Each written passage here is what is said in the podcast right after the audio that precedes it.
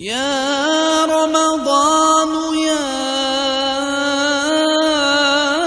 شهر الهدى يا شهر الندى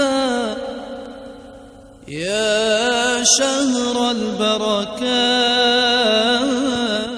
الحمد لله رب العالمين له النعمة وله الفضل وله الثناء الحسن صلوات ربي وسلامه على سيدنا محمد وعلى آله وصحبه الطيبين الطاهرين.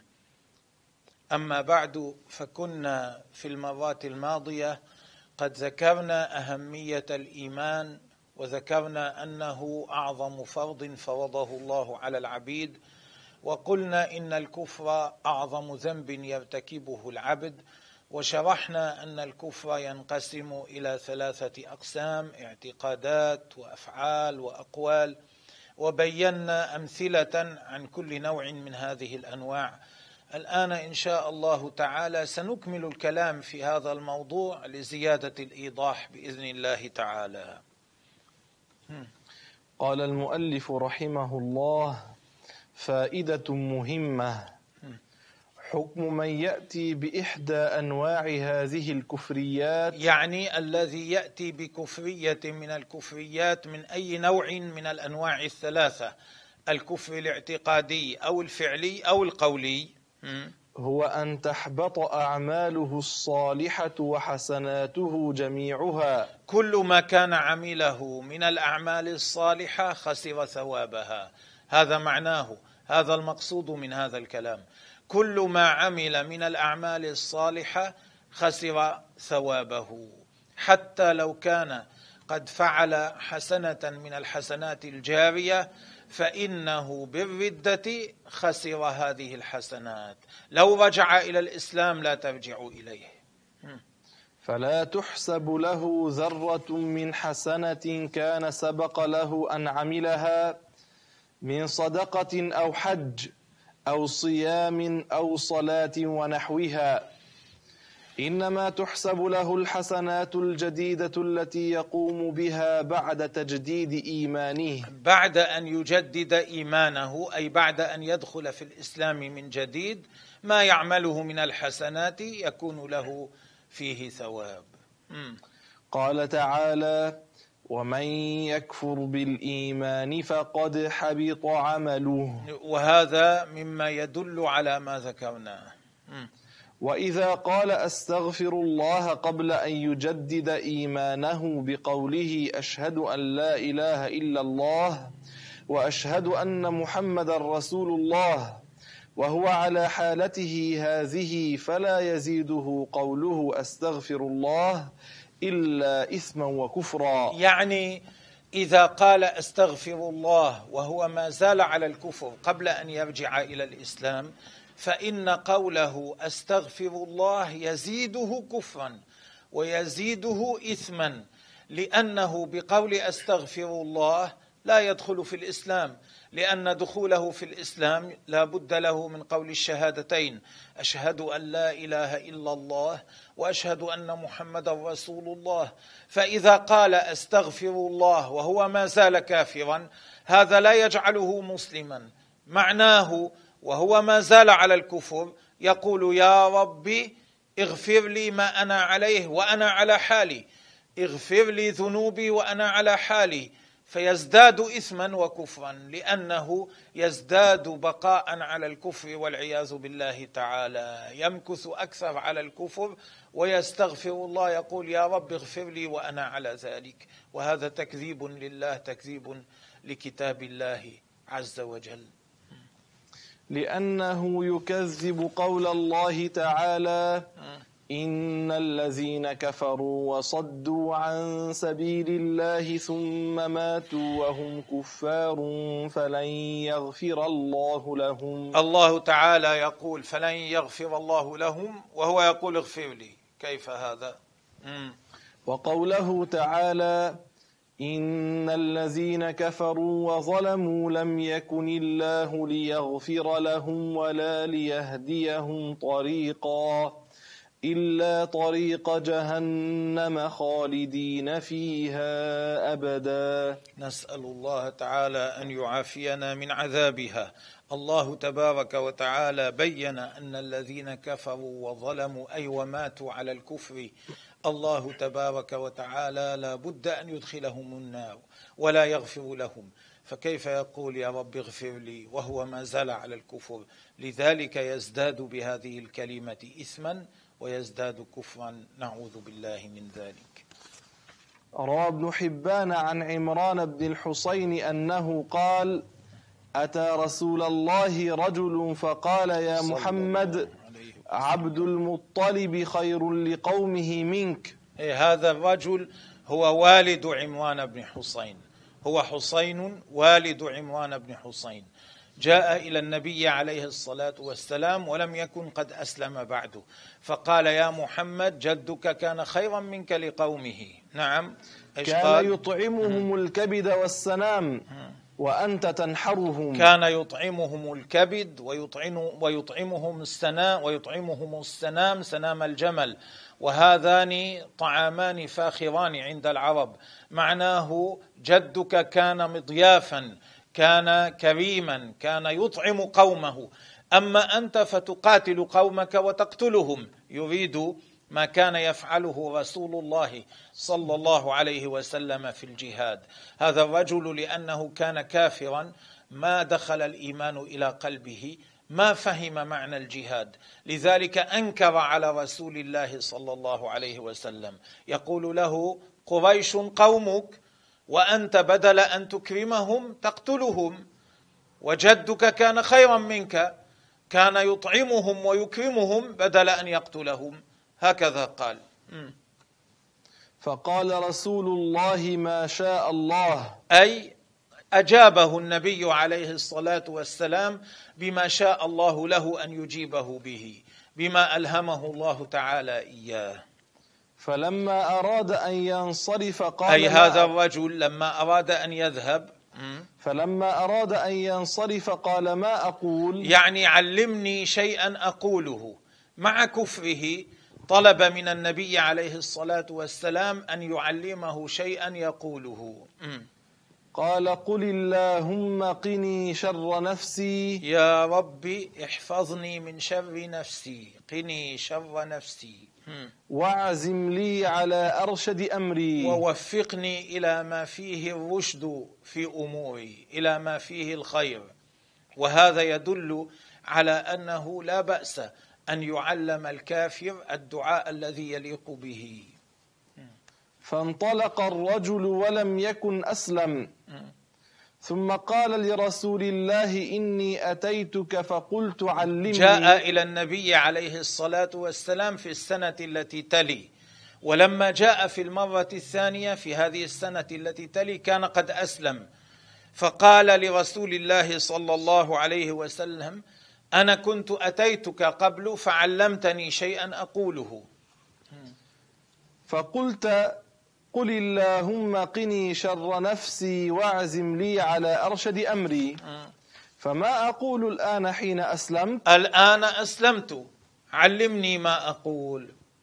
قال قل اللهم قني شر نفسي واعزم لي على أرشد أمري. كما علمه في المره التي قبلها?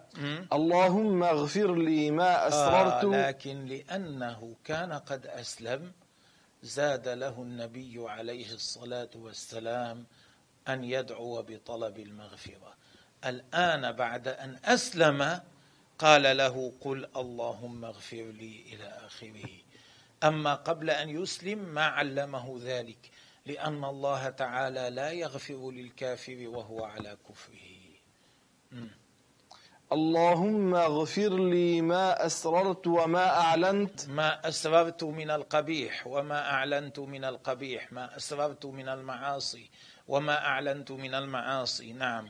وما عمدت وما أخطأت. وما تعمدت فعله من المعصية. وما أخطأت يعني ما فعلته مخطئا للصواب. ما تعمدت أن أفعله وأنا عالم أنه معصية وما فعلته وأنا مخطئ للصواب. وما جهلت. وما جهلت أي وما فعلته مما لا يوافق شرع الله تبارك وتعالى. المراد هنا جهلت المأخوذ من الجهالة لا من الجهل ليس معناه ما لم أعلم به إنما مأخوذ من الجهالة. وهو فعل ما لا ينبغي فعل الشيء الذي يخالف شرع الله تبارك وتعالى.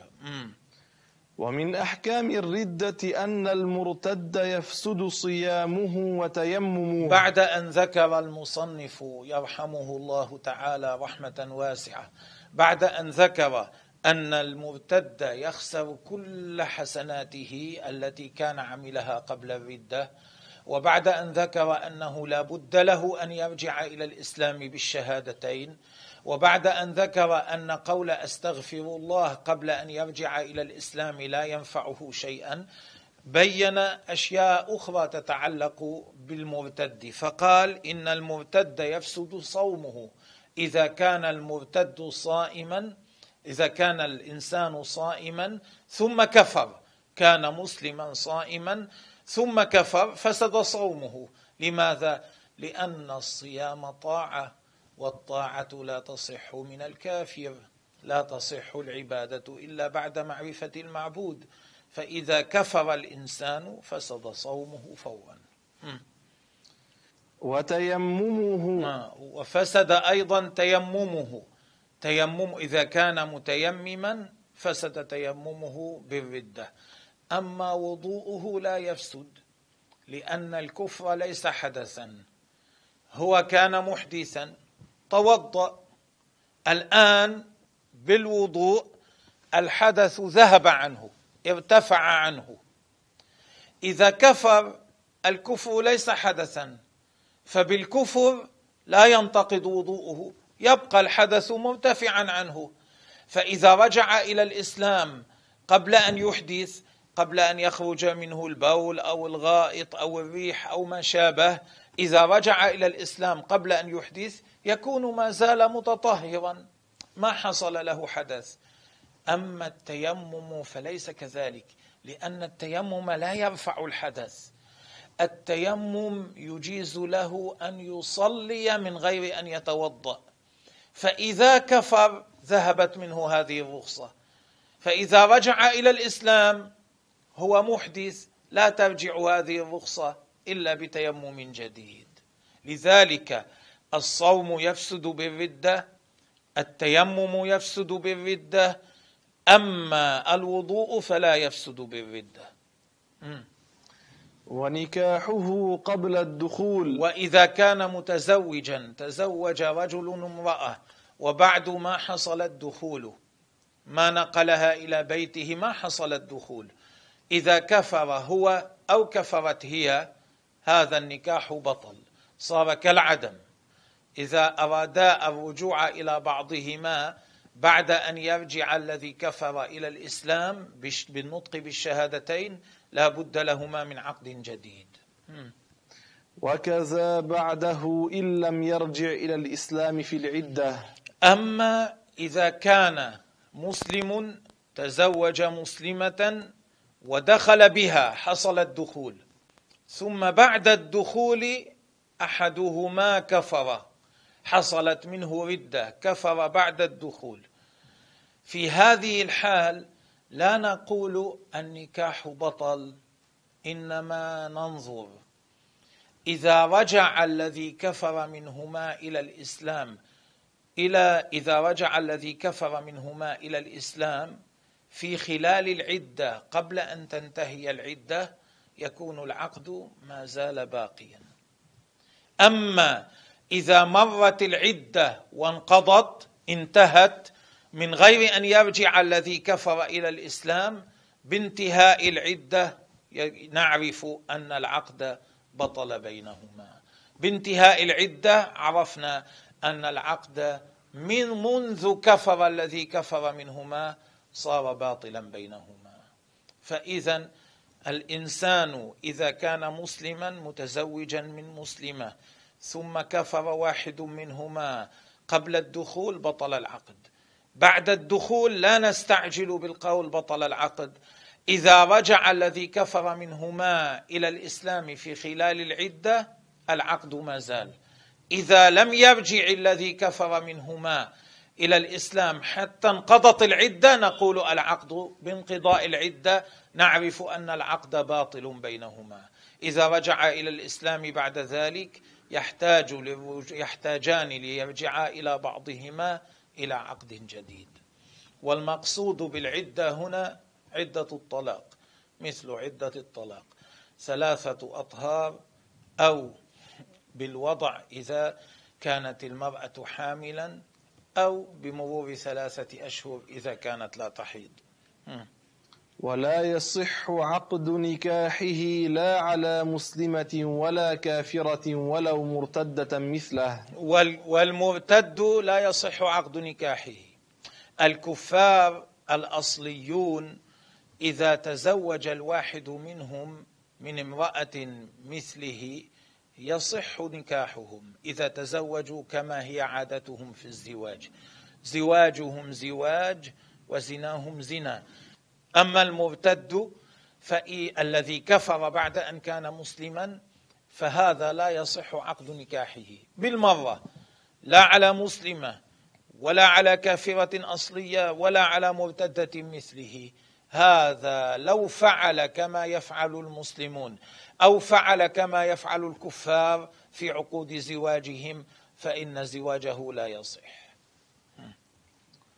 عود إلى تقسيم الكفر لزيادة فائدة. بعد أن بين آه، شيخنا رحمة الله عليه هذه الفوائد رجع إلى تقسيم الكفر بطريقة أخرى. وذلك حتى يزيد الأمر وضوحا لشدة أهمية هذا الأمر. لأنه كما بين إذا كفر الإنسان بعد الإسلام صار كافرا. حبطت خسر كل حسناته. إذا مات على ذلك يخلد في نار جهنم. لا بد أن ينطق بالشهادتين للرجوع إلى الإسلام. هذا ليس أمرا هينا ليس أمرا خفيفا. هذا أمر عظيم الإثم كبير الضرر على الإنسان. هو أعظم ذنب يرتكبه الإنسان. لذلك رجع إلى تقسيم الكفر بطريقة أخرى حتى يتنبه الإنسان منه ويحذره. واعلم أن الكفر ثلاثة أبواب. إما تشبيه أو تكذيب أو تعطيل. التقسيم الأول قال اعتقادات أو أفعال أو أقوال. الآن قسم تقسيما ثانيا. قال إما تشبيه وإما تكذيب وإما تعطيل. والآن يبين كل باب من هذه الأبواب الثمانية الثلاثة. أحدها التشبيه. أحد هذه الأبواب أحد أنواع الكفر التشبيه. أي تشبيه الله بخلقه. معنى ذلك أن يصف الإنسان ربه بأي صفة من صفات المخلوقات. إذا اعتقد ذلك بقلبه أو قاله بلسانه فإنه يكفر بذلك. إذا اعتقد بقلبه أن الله يشبه المخلوقات أو قال بلسانه إن الله يشبه المخلوقات. أو كتب بيده إن الله يشبه المخلوقات. فإنه يكفر يصير مرتدا يصير يكون كافرا. وليس شرطا أن يقول هذه الكلمة الله يشبه المخلوقات. لا إذا وصف الله بأية صفة من صفات المخلوقات صار كافرا. أبو جعفر الطحاوي رحمه الله تعالى ماذا قال في عقيدته التي هي عقيدة أهل السنة والجماعة التي قبلها المسلمون في الشرق والغرب؟ قال ومن وصف الله بمعنى من معاني البشر أي بصفة من صفات البشر فقد كفر. فكل صفة هي من صفات المخلوقات لا يجوز أن يوصف الله تبارك وتعالى بها. هذا هو الطريق لنفي التشبيه. هذا هو السبيل لنفي التشبيه. ألا ينسب الإنسان إلى الله ما هو من صفات المخلوقين. لا اللون ولا الحركة ولا السكون ولا الجسم ولا الصعود ولا النزول ولا القعود ولا غير ذلك من صفات المخلوقين ولا غير ذلك من صفات المخلوقين. أي تشبيه الله بخلقه كمن يصفه بالحدوث أو الفناء؟ بالحدوث أي الوجود بعد عدم الفناء كالموت. أو الجسم أو اللون؟ كذلك لو وصف إنسان ربه بأنه جسم اعتقد بأن الله له طول وعرض وعمق. هذا شبهه بالمخلوقين. أو اعتقد أن الله له لون أبيض أو أحمر أو أسود أو أزرق أو غير ذلك من الألوان. أو الشكل أو كأن اعتقد أن الله تعالى له شكل له هيئة. أو الكمية. أو له مقدار له حجم أو له وزن. أو الكمية أي مقدار الحجم. أما ما ورد في الحديث هذا كله كفر. الذي يعتقد شيئا من هذا يخرج من الإسلام والعياذ بالله إذا كان مسلما قبله أما ما ورد في الحديث إن الله جميل فليس معناه جميل الشكل وإنما معناه جميل الصفات أو محسن. إن الله جميل ليس معناه إن الله له شكل جميل. إنما معنى الجميل المجمل أي المحسن. هذا معنى الجميل إذا أطلق على الله إن الله جميل. أو إن الله حسن الصفات. هذا معنى الجميل إذا أطلق إن الله جميل أي متصف بصفة بصفات حسنة. أو إن الله جميل أي مجمل أي محسن. هذا معناه في لغة العرب. ليس معنى الجميل هنا جميل الشكل. حاشا هذا لا يليق بربنا. ثانيها التكذيب. ثاني أقسام الكفر التكذيب.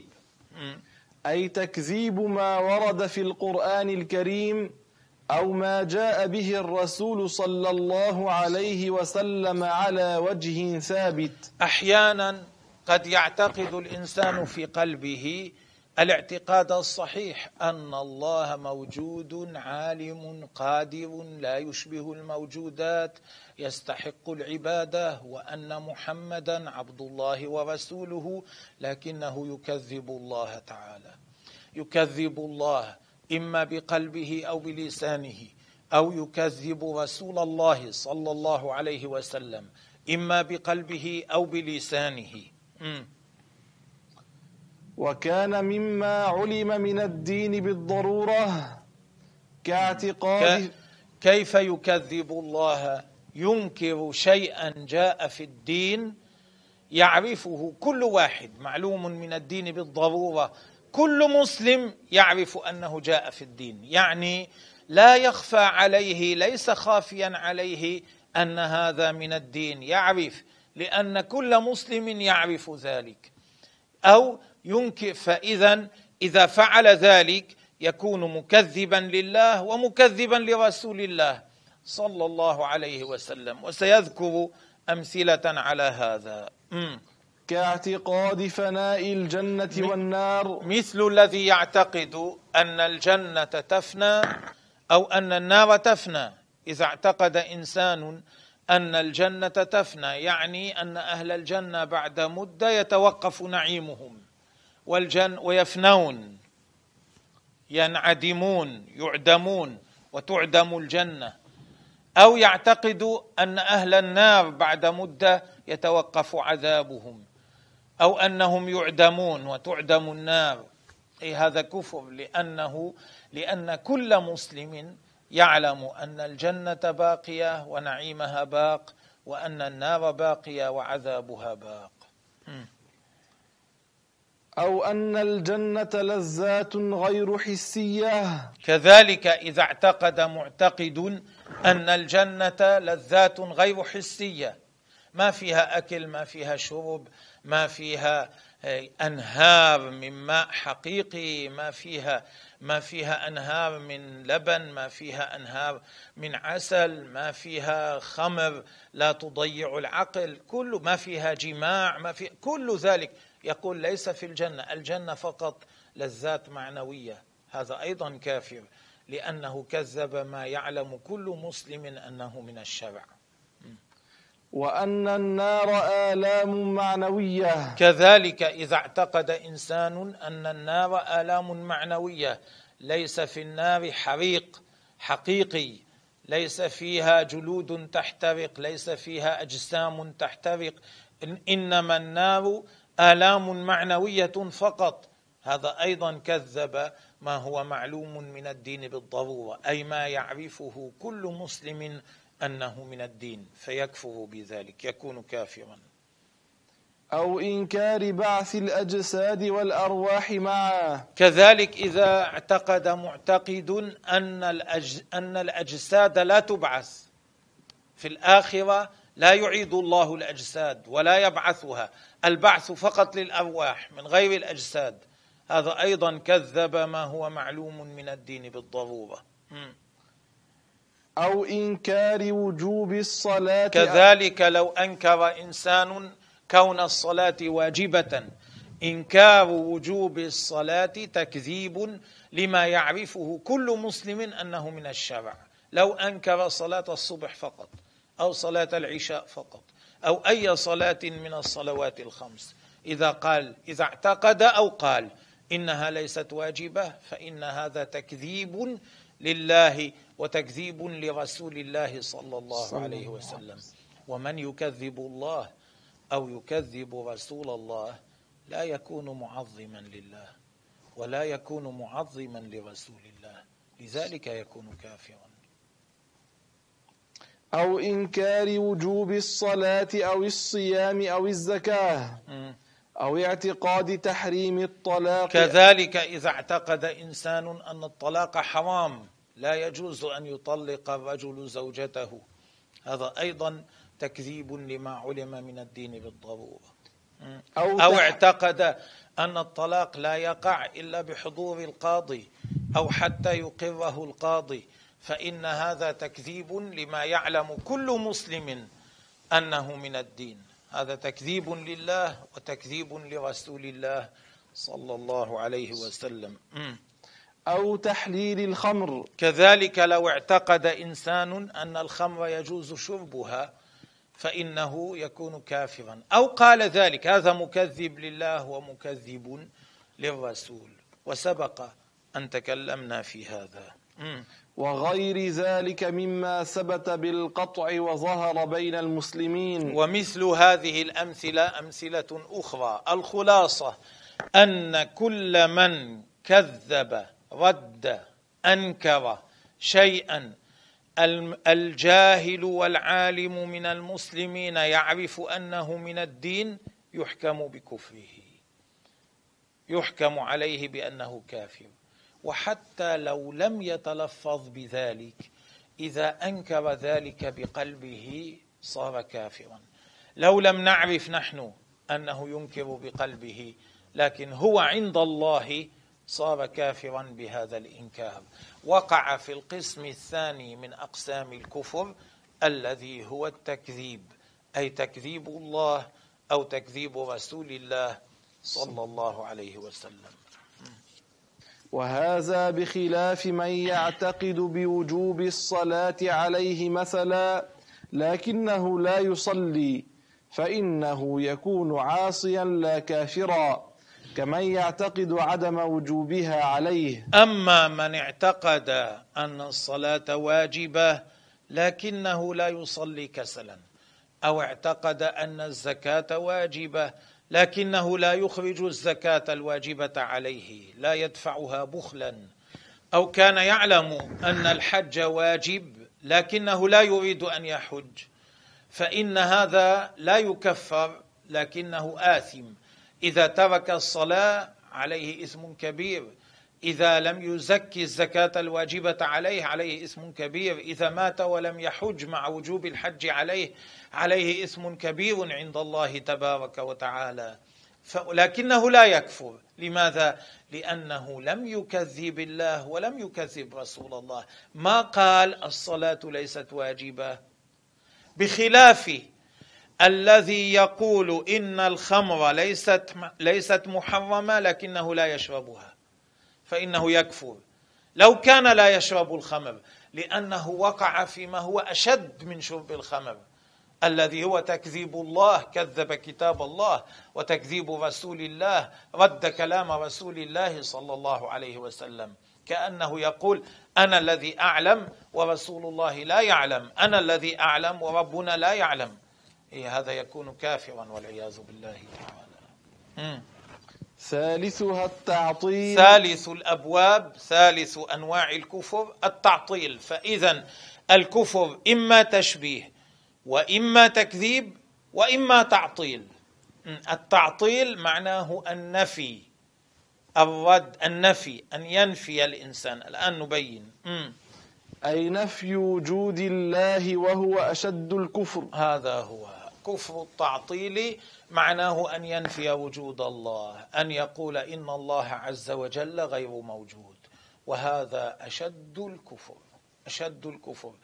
ومثله يلتحق به الذي ينفي أن يكون الله عالما مثلا ينفي صفة من صفات الله الواجبة له اجماعا التي يجب على كل مسلم أن يعرفها. مثلا نفى أن يكون الله عالما. نفى أن يكون الله تعالى قادرا. نفى أن يكون الله تعالى سميعا بصيرا متكلما. هذا يقال له أيضا معطل. إما عطل الذات أي نفى وجود ذات الله أو عطل الصفات نفى وجود صفات الله تبارك وتعالى. الله يعيذنا من مثل ذلك. وحكم من يشبه الله تعالى بخلقه التكفير قطعا. رجع المصنف رحمه الله إلى الكلام عن حكم التشبيه لأن هذا النوع من الكفر يقع فيه كثير ممن ينتسب إلى الإسلام. يقول حكم من يشبه الله تعالى بخلقه التكفير قطعا الذي يشبه الله بخلقه كافر قولا واحدا قطعا يعني قولا واحدا بلا خلاف بلا خلاف معتبر بين علماء الإسلام. والسبيل إلى صرف التشبيه. كيف يصرف الإنسان عن نفسه التشبيه؟ إذا جاءته خواطر التشبيه إلى قلبه. إذا جاء الشيطان فوسوس له أن الله يشبه كذا يشبه كذا. كيف يصرف عن نفسه ذلك؟ كيف يدفع عن نفسه ذلك؟ كيف يرد ذلك عن نفسه؟ والسبيل إلى صرف التشبيه اتباع هذه القاعدة القاطعة. مهما تصورت ببالك فالله بخلاف ذلك. هذه قاعدة قاطعة يعني قاعدة قطعا هي حق. مهما تصورت ببالك فالله بخلاف ذلك. كل شيء تتخيله بخيالك الله لا يشبهه. فمهما جاءك الشيطان بخاطر من خواطر التشبيه فادفعه ورده بهذه القاعدة. مهما تصورت ببالك فالله بخلاف ذلك. كل شيء تتخيله بخيالك فالله تبارك وتعالى لا يشبهه. وهي مجمع عليها عند أهل الحق. هذه القاعدة كل أهل السنة متفقون عليها. نعم. وهي مأخوذة من قوله تعالى ليس كمثله شيء. إيه، من أين أخذوا هذا الكلام؟ أخذوه من ليس كمثله شيء. لأن هذا معنى ليس كمثله شيء. لأن معنى ليس كمثله شيء أي إن الله تبارك وتعالى لا يشبه أي شيء من الأشياء وما تتخيله بخيالك مخلوق أو ليس مخلوقا. لا شك أنه مخلوق. اذا الله لا يشبهه لأن الله لا يشبه شيئا. اذا مهما تصورت ببالك فالله بخلاف ذلك. هذا الكلام هو معنى قول الله تعالى ليس كمثله شيء أو هذا الكلام يقتضيه قول الله تعالى ليس كمثله شيء. وملاحظة ما روي عن الصديق العجز عن درك الإدراك إدراك والبحث عن ذاته كفر وإشراك. وأيضا الطريقة لدفع التشبيه إذا جاءتك خواطر التشبيه ووساوس التشبيه مما يعين على دفعها تذكر ما نسب ما هو مروي إلى أبي عن أبي بكر الصديق رضي الله تعالى عنه العجز عن درك الإدراك إدراك الذي يعتقد أن الله موجود ويقر يعترف يعتقد أنه عاجز عن إدراكه عاجز عن معرفة حقيقته سبحانه فهذا إدراك. هذه هي معرفتنا بالله. لأن معرفتنا بالله ليست على سبيل الإحاطة. أنت تنظر إلى قطعة الخشب تعرف طولها وعرضها وسمكها ومن أي نوع هي وتعرف وزنها إلى غير ذلك. تعرفها معرفة إحاطة وأما معرفتنا بالله ليست معرفة إحاطة. نحن نعرف ما يجب لله أي الصفات التي لا تجب لله عز وجل وما يستحيل ما لا يليق أن يوصف الله به وما يجوز أن يوصف الله به هذا الذي نعرفه. أما حقيقة الله لا نعرفها وهذا معنى كلام أبي بكر الصديق. العجز عن درك الإدراك إدراك والبحث عن ذاته كفر وإشراك. أما الذي يبحث عن ذات الله يفكر حتى يتخيل ذات الله تبارك وتعالى فإنه يقع في الشرك والعياذ بالله. لأن كل ما يتخيله مخلوق والخالق لا يشبه المخلوق سبحانه وتعالى. إذا خل إذا عبد شيئا تخيله بخياله فلم يعبد الله. إنما عبد هذا المتخيل هذا الخيال وهذا الخيال مخلوق وليس خالقا. وقول بعضهم لا يعرف الله على الحقيقة إلا الله تعالى. معناه لا يعرف الله على الحقيقة أحد لكن الله تعالى عالم بذاته وصفاته عالم بحقيقته وحقيقة صفاته. لذلك نحن لا يجوز لنا أن نشبه الله ولا أن نتخيل الله. هذا كله مما يعين على دفع التشبيه إذا خطرت وساوسه على قلب الإنسان. ومعرفتنا نحن بالله تعالى ليست على سبيل الإحاطة. كما شرحنا قبل نحن لا نعرف الله على سبيل الإحاطة. لا ما أحطنا علما بحقيقته. لا نعرف حقيقة الله. بل بمعرفة ما يجب لله تعالى. إنما معرفتنا بالله بمعرفة ما يجب لله من الصفات.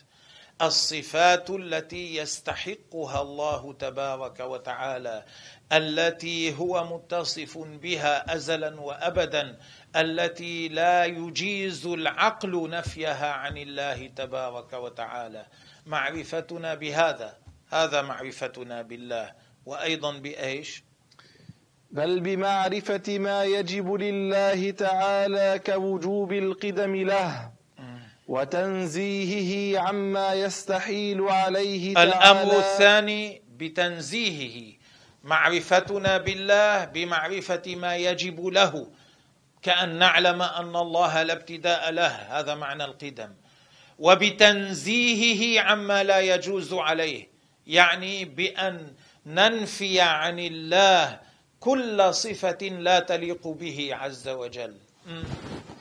كاستحالة الشريك له. مثل الشريك لله. نقول هذا يستحيل. ننفيه عن الله. وما يجوز في حقه تعالى كخلق شيء وتركه. ونعرف أن الله يجوز أن يخلق في المستقبل امورا ويجوز أن لا يخلقها. في هناك أشياء لا نعرف نحن. ما أخبرنا النبي عليه الصلاة والسلام هل ستحصل في المستقبل أو أنها لا تحصل. نقول يجوز أن يخلق الله هذا الشيء ويجوز أن لا يخلقه. هذا الذي هذا هو معرفتنا بالله. أن نعرف ما يجب له أي ما هو محكوم عقلا بالدليل العقلي أن الله متصف به ولا يجوز أن لا يتصف بذلك ومعرفة ما يستحيل بالله أي الذي هو محكوم عقلا بأن الله لا لا يتصف به ومعرفة ما يجوز في حق الله ما يجوز أن يفعله الله تعالى وما يجوز أن لا يفعله كخلق شيء أو عدم خلقه. هذه معرفتنا بالله. ليست معرفتنا بالله معرفة إحاطة. عندما نقول المؤمن يعرف ربه هذا الذي نقصده. لا نقصد أن المؤمن يعرف حقيقة الله. قال الإمام الرفاعي رضي الله عنه.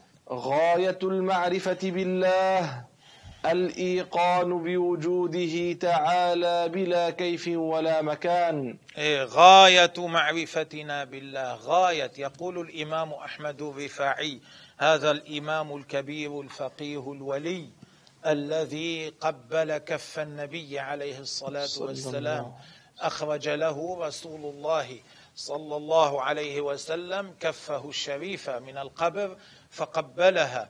هذا الرجل الكبير قال غاية المعرفة بالله أقصى معرفتنا بالله آخر ما تصل إليه معرفتنا بالله الإيقان الإيمان جزما بوجوده تعالى أنه سبحانه وتعالى موجود بلا كيف ولا مكان. بلا كيف أي من غير أن يتصف بأية صفة من صفات المخلوقين. ولا مكان من غير أن يكون على شيء ولا في شيء ولا تحت شيء لأن المكان هو خلقه ولأنه ليس جسما إنما هو موجود ازلا وابدا بلا مكان. هذه غاية معرفتنا بالله تبارك وتعالى. أقصى معرفتنا بالله تبارك وتعالى. هذا كله إذا تذكره الإنسان واستحضر معناه يعينه على دفع وساوس التشبيه إذا خطرت في قلبه. فائدة. هذه الفائدة متناسبة مع ما قبل.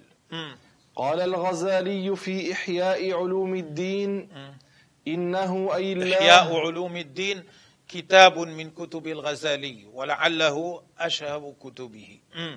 إنه أي الله أزلي ليس لوجوده أول وليس لوجوده آخر. فإذا الله يقول الغزالي الله تعالى موجود لا ابتداء لوجوده ولا انتهاء لوجوده. وإنه ليس بجوهر يتحيز. ليس حجما هذا معنى ليس بجوهر يتحيز. أي ليس حجما يأخذ مقدارا من الفراغ كما أننا أحجام نأخذ مقدارا من الفراغ. إذا كنت إذا حللت أنا في فراغ إذا حللت أنا في مكان لا يحل جسم غيري في هذا المكان فأنا آخذ هذا المقدار من الفراغ. الله ليس كذلك. الله ليس حجما يحل في مكان ويأخذ حيزا ويحتل مقدارا من الفراغ. لا لأنه ليس جسما هو خلق الأجسام. كيف يكون جسما؟ وإنه ليس بجوهر يتحيز بل يتعالى ويتقدس عن مناسبة الحوادث. مناسبة الحوادث مشابهة الحوادث. يعني لا نسبة بين الله وبين المخلوقات. يقول الغزالي الله متعال منزه عن مشابهة المخلوقات. وإنه ليس بجسم مؤلف من جواهر. ليس بجسم مركب من أجزاء كما نحن مركبون من أصابع وكف وساعد وعضد إلى آخره ورأس ورجل وبطن ليس هكذا. الله ليس شيئا مركبا من أجزاء سبحانه. ولو جاز أن يعتقد أن صانع العالم جسم لو جاز أن يكون الله جسما لو كان يصح أن يكون الله جسما لجاز أن تكون الشمس الها. الشمس جسم. اذا لماذا لا يجوز أن تكون الها؟ لو كان الخالق جسما. لو كان يصح أن يكون الخالق جسما اذا لجاز أن تكون الشمس إلها لأن الشمس جسم لجاز ذلك. لما كان هذا مستحيلا لكنه مستحيل. اذا الخالق ليس جسما سبحانه. ولو جاز أن يعتقد أن صانع العالم ج...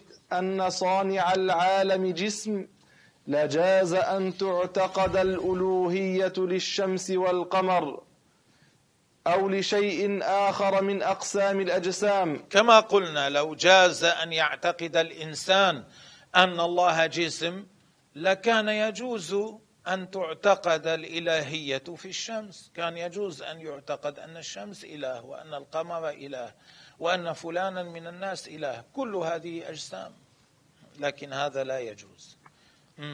فإذا لا يشبه شيئا ولا يشبهه شيء فإذا لا يشبه الله شيئا من أي وجه من الوجوه ولا يشبهه شيء سبحانه. بل هو الحي القيوم الذي هو الحي القيوم الذي لا نهاية له. بل هو الحي القيوم الذي ليس كمثله شيء. لا يشبه شيئا من الأشياء بأي وجه من الوجوه لأنه الخالق وغيره مخلوقون. وكيف يشبه الخالق مخلوقه لا يشبه الإنسان ولا يشبه الجن ولا يشبه الهواء ولا يشبه الأرض ولا يشبه النار ولا يشبه السماء ولا يشبه الضوء ولا يشبه الظلمة ولا يشبه البحر. سبحانه لا يشبه أي شيء من الأشياء بأي وجه من الوجوه. مهما تصورت ببالك فالله بخلاف ذلك. مم. وأنا يشبه المخلوق خالقه. معناه لا يشبه. كيف يشبه؟ استبعاد. لا يشبه المخلوق خالقه. أن يشبه المخلوق خالقه. والمقدر مقدرة. كيف يشبه الشيء الذي له مقدار؟ من جعله على هذا المقدار. الذي شع- جعل الشيء الذي له مقدار على هذا المقدار. كيف يشبهه؟ كيف كيف يكون هو له مقدار؟ لو كان هو له مقدار لكان محتاجا إلى من جعله على هذا المقدار. اذا الذي خلق الأشياء لا يشبه مخلوقاته والذي قدر الأشياء لا يشبه مقدراته. والمصور والمصور مصوره. وكيف يشبه؟ الذي صور الصور كلها جعل الصور كلها على ما هي عليه. كيف يشبه صوره؟ لو كان له صورة لكان محتاجا لمن صوره. كما أن الأشياء التي لها صورة المخلوقه التي لها صورة محتاجة لمن جعلها على هذه الصورة بل هو ليس كمثله شيء. سبحانه. فليس هذا الكلام الذي عابه العلماء؟ مثل هذا الكلام بيان أن الله تعالى واحد لا شريك له وأنه متصف بصفات الكمال التي تليق به وأنه لا يشبه شيئا من الأشياء. ليس هذا الكلام الذي عابه بعض العلماء الذي ذمه بعض العلماء. لا إنما الكلام الذي ذمه بعض العلماء هو الكلام الذي تكلم به أهل البدع حتى ينصبوا بدعهم. هذا الذي ذمه بعض العلماء. وإنما عاب السلف كلام المبتدعة في الاعتقاد. الذين ابتدعوا في العقائد هؤلاء الذين عابهم سلف الأمة وعابوا كلامهم. كالمشبهة والمعتزلة والخوارج وسائر الفرق التي شزت عما كان عليه الرسول والصحابة. صلى الله عليه وسلم. نعم عابوا كلام هؤلاء لأن هؤلاء كانوا يتكلمون بكلام ينصرون به بدعهم. هذا الكلام الذي عابه سلف الأمة هذا الكلام الذي عابه علماء الإسلام. ما عابوا الكلام الذي يتكلم به أهل السنة في إيضاح العقيدة الإسلامية وفي رد بدع أهل الضلال. إذا لو كان هذا الكلام عيبا لو كان هذا الكلام غير غير حسن كيف تبين العقيدة؟ كيف يرد شبه أهل الضلال؟ ليس هذا. إنما الكلام الذي عابه بعض العلماء وقالوا هذا من الكلام ولا نريد الدخول فيه إنما هو كلام أهل البدع الذي قالوه في نصرة بدعهم.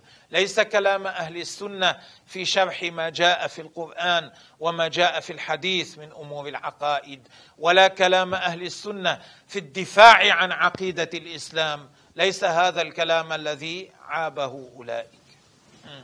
الذين افترقوا إلى اثنتين وسبعين فرقة. يعني أهل البدع افترقوا إلى اثنتين وسبعين فرقة. الناس الذين ينتسبون إلى الإسلام لكنهم خارجون عن عقيدة النبي عليه الصلاة والسلام اثنتان وسبعون فرقة. يصل مجموعهم إلى اثنتين وسبعين فرقة كما بينه رسول الله صلى الله عليه وسلم.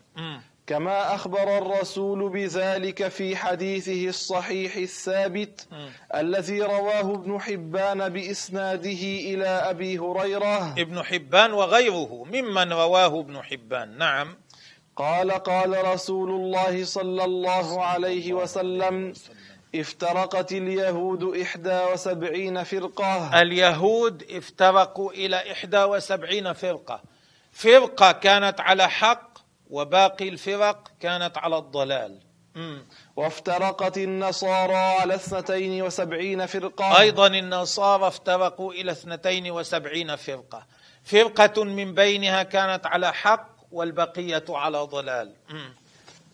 وستفترق أمتي إلى ثلاث وسبعين فرقة. كلهم في النار إلا واحدة وهي الجماعة. أخبر عليه الصلاة والسلام أن أمته تفترق إلى ثلاث وسبعين فرقة. الأمم السابقة من آه، افترق اليهود إلى إحدى وسبعين فرقة.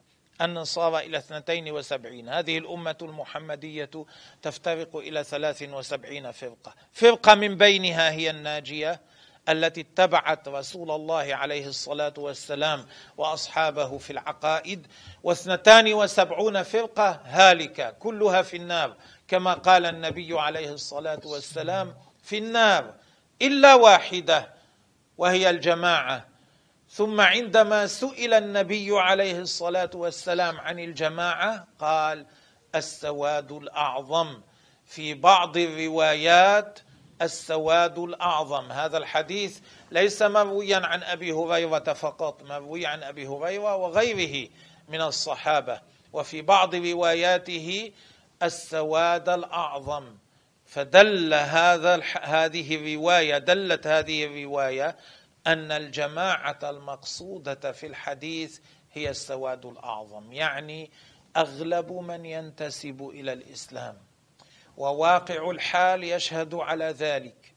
منذ الزمان منذ أيام الصحابة إلى أيامنا أغلب المنتسبين إلى الإسلام محافظون على عقيدة واحدة. لا يشبهون الله بخلقه. يعتقدون بنبوة محمد عليه الصلاة والسلام وحقية ما جاء به. يعتقدون أن الله متصف بصفات الكمال. يعتقدون أن كل شيء يحصل بمشيئة الله. يعتقدون أن الله خالق كل شيء. يعتقدون أن الله تبارك وتعالى لا يشبه شيئا. كلهم على عقيدة واحدة اجتمعوا عليها. ومن خالفهم في هذه العقيدة فهو لاحق بإحدى هذه الفرق. الاثنتين والسبعين نسأل الله أن يعافينا من مثل هذه المخالفة. كلهم في النار إلا واحدة وهي الجماعة أي السواد الأعظم. نعم. وأما علم الكلام الذي يشتغل به أهل السنة من الأشاعرة والماتوريدية. والماتريديه من غير مد. من الأشاعرة والماتريديه فقد عمل به من قبل الأشعري والماتريدي كأبي حنيفة فإن له خمس رسائل في ذلك. والإمام الشافعي كان يتقنه حتى إنه قال أتقنا ذاك قبل هذا. أي أتقنا علم الكلام قبل الفقه. إيه، كما قلنا أما علم الكلام الذي يشتغل به أهل السنة يبينون به العقيدة الصحيحة فهذا ممدوح ليس مذموما. والذين والآن أهل السنة فرقتان في العقائد في الفروع في فروع الفقه منهم شافعية منهم حنفية منهم مالكية منهم حنابلة. أما في أصول العقائد فهم فرقتان وفي الحقيقة هي فرقة واحدة لأن الاختلاف فيما بينهم خفيف في بعض الفروع أما أصول مسائل العقائد واحدة وهذه الفرقة هي الأشاعرة والماتريدية الأشاعرة الذين يرجعون في كلامهم وطريقة كلامهم إلى ما كان قرره الإمام أبو الحسن الأشعري. والماتريدية الذين يرجعون في طريقة كلامهم إلى ما كان قرره الإمام أبو منصور الماتريدي. والأشعري والماتريدي إنما اخذا ما قاله النبي عليه الصلاة والسلام وأصحابه فسبكاه بعباراتهم رتباه على ترتيب رأياه. بعض الناس تتلمذ عند الأشعري فصاروا هم ومن جاء بعدهم وتعلم عندهم يقال لهم أشاعرة وبعض الناس تتلمذوا عند الماتريدي ونشروا العلم في الأرض فصاروا هم ومن بعدهم يقال لهم ماتريدية.